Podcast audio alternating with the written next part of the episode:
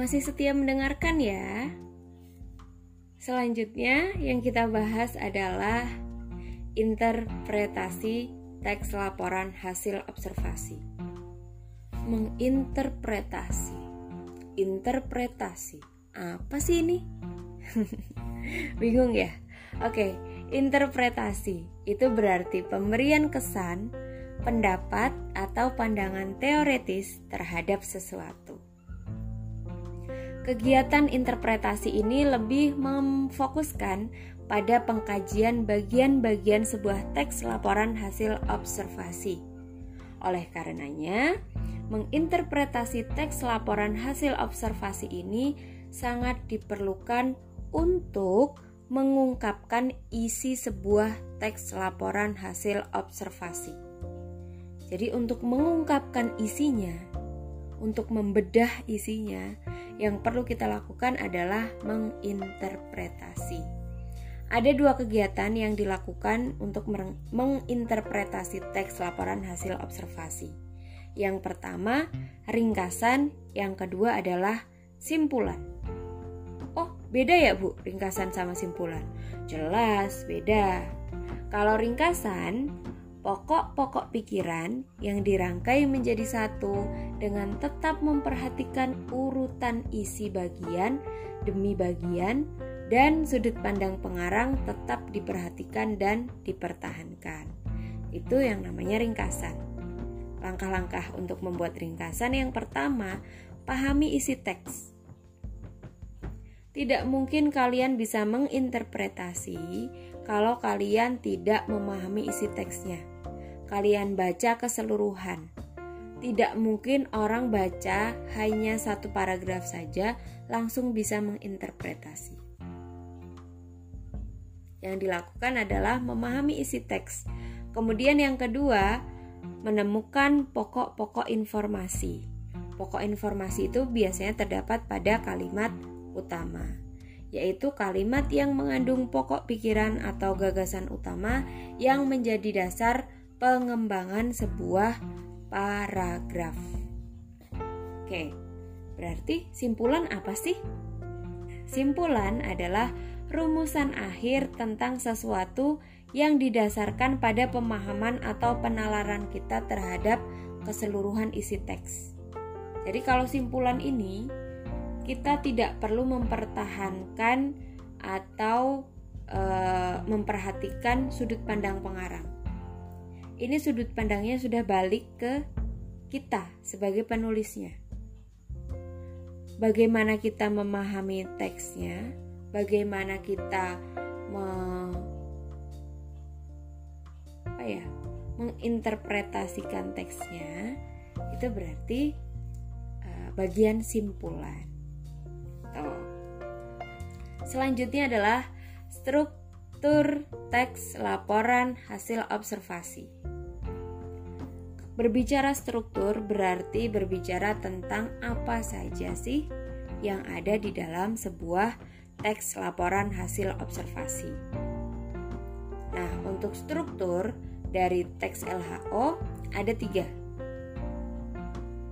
Yang pertama adalah pernyataan umum atau definisi, yaitu berisi tentang definisi mengenai sesuatu yang dilaporkan. Sebenarnya kamu mau melaporkan apa sih? Nah, itu bisa dijelaskan di pernyataan umum. Kemudian yang kedua, deskripsi bagian. Berarti rincian tentang aspek-aspek yang dilaporkan. Kemudian yang terakhir adalah deskripsi manfaat. Bagian yang berisi manfaat, baik manfaat objek yang dibahas maupun manfaat teks laporan yang dibuat. Selanjutnya, kita mempelajari tentang kaidah kebahasaan teks laporan hasil observasi. Wah, lumayan banyak juga ya. Oke. Akan Ibu jelaskan secara mudah dan cepat agar kalian juga uh, bisa memahaminya dengan baik. Yang pertama, masuk ke dalam kelompok kata dan frasa. Kata itu kan satuan bahasa terkecil yang dapat berdiri sendiri, terjadi dari morfem tunggal atau gabungan morfem. Nah, bedanya dengan frasa, frasa adalah gabungan dua kata atau lebih yang tidak melebihi satu batas fungsi atau non-predikatif. Kata dan frasa yang dominan dipakai dalam laporan hasil observasi adalah verba dan nomina. Ayo lo, masih ingat nggak verba apa, nomina apa? Ini nanti akan dijelaskan ciri-ciri dari nomina dan verba. Yang pertama adalah nomina. Nomina itu berarti kata benda. Oke. Kata benda atau nomina memiliki ciri-ciri yang pertama, pada kalimat yang predikatnya berupa kata kerja, kata bendanya cenderung menduduki fungsi subjek, objek, atau pelengkap. Dipahami dulu ya. Yang kedua, kata benda tidak dapat diingkarkan dengan kata tidak. Misal nih, kata benda ya. Kamus bendanya. Kita tidak bisa menyebut tidak kamus. Berarti kata benda tidak dapat diingkarkan dengan kata tidak. Loh, kalau tidak diingkarkan dengan kata tidak, berarti ingkarannya apa? Ingkarannya adalah kata bukan. Bukan kamus. Bukan guru matematika. Bukan guru bahasa Indonesia. Nah, selanjutnya ciri-ciri selanjutnya adalah Kata benda pada umumnya dapat diikuti oleh kata sifat, baik secara langsung maupun diantarai oleh kata yang. Contoh nih, naskah kuno. Kata bendanya naskah, kata sifatnya kuno. Mobil mewah. Kata bendanya mobil, mewah adalah sifatnya atau bisa kalian tambahkan dengan kata yang di tengahnya. Mobil yang mewah. Nah, itu ciri-ciri dari kata benda atau nomina. Selanjutnya adalah verba. Verba apa? Kalau dalam bahasa Inggris verb berarti namanya kata kerja. Di sini verba juga memiliki ciri-ciri. Yang pertama, umumnya menempati fungsi predikat dalam kalimat. Yang kedua, dapat didahului kata keterangan akan, sedang, dan sudah. Contohnya nih, verbanya menonton televisi. Menonton itu verbanya ya. Bisa didahului dengan kata akan. Akan menonton. Sedang menonton. Sudah menonton. Jadi verba bisa didahului kata keterangan akan, sedang, dan sudah. Kemudian ciri selanjutnya dapat didahului kata ingkar tidak. Kalau tadi nomina tidak bisa digunakan dengan eh, tidak bisa diingkarkan dengan kata tidak, maka untuk verba pengingkarnya adalah kata tidak. Misal um, kata kerjanya dikunci. Berarti bisa ingkarnya tidak dikunci. Tuh. Selanjutnya, dapat dipakai dalam kalimat perintah khususnya yang bermakna perbuatan. Contohnya, makan obat ini. Makan ini adalah sebuah kata kerja. Tapi dia bisa digunakan dalam kalimat perintah dengan menambahkan tanda final, tanda seru. Tuh. Kalau tadi pengingkarnya adalah kata tidak, berarti eh, verba itu juga tidak dapat didahului kata paling. Misal nih, contoh verba. Pulang. Tidak bisa kalian e, rangkai menjadi paling pulang. Nggak bisa. Itu berarti sebuah verba. Tadi ciri-ciri verba dan nomina. Selanjutnya yang kita bahas adalah afiksasi ingat apa itu afiksasi atau baru dengar afiksasi itu imbuhan sebuah kata dalam teks dapat berupa kata dasar atau kata turunan. Kata turunan tersebut terbentuk melalui afiksasi atau sebuah kegiatan mengimbuhkan. Mengimbuhkan suku kata yang nanti akan menjadi sebuah kata.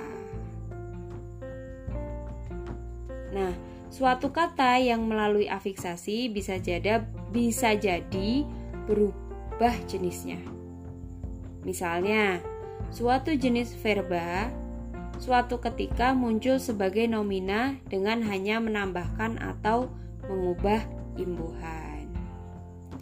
Selanjutnya, suatu kata dasar dapat berubah menjadi verba jika diberi imbuhan me men n-nya yang dikurung men ber di bahkan terkadang ter atau ke an.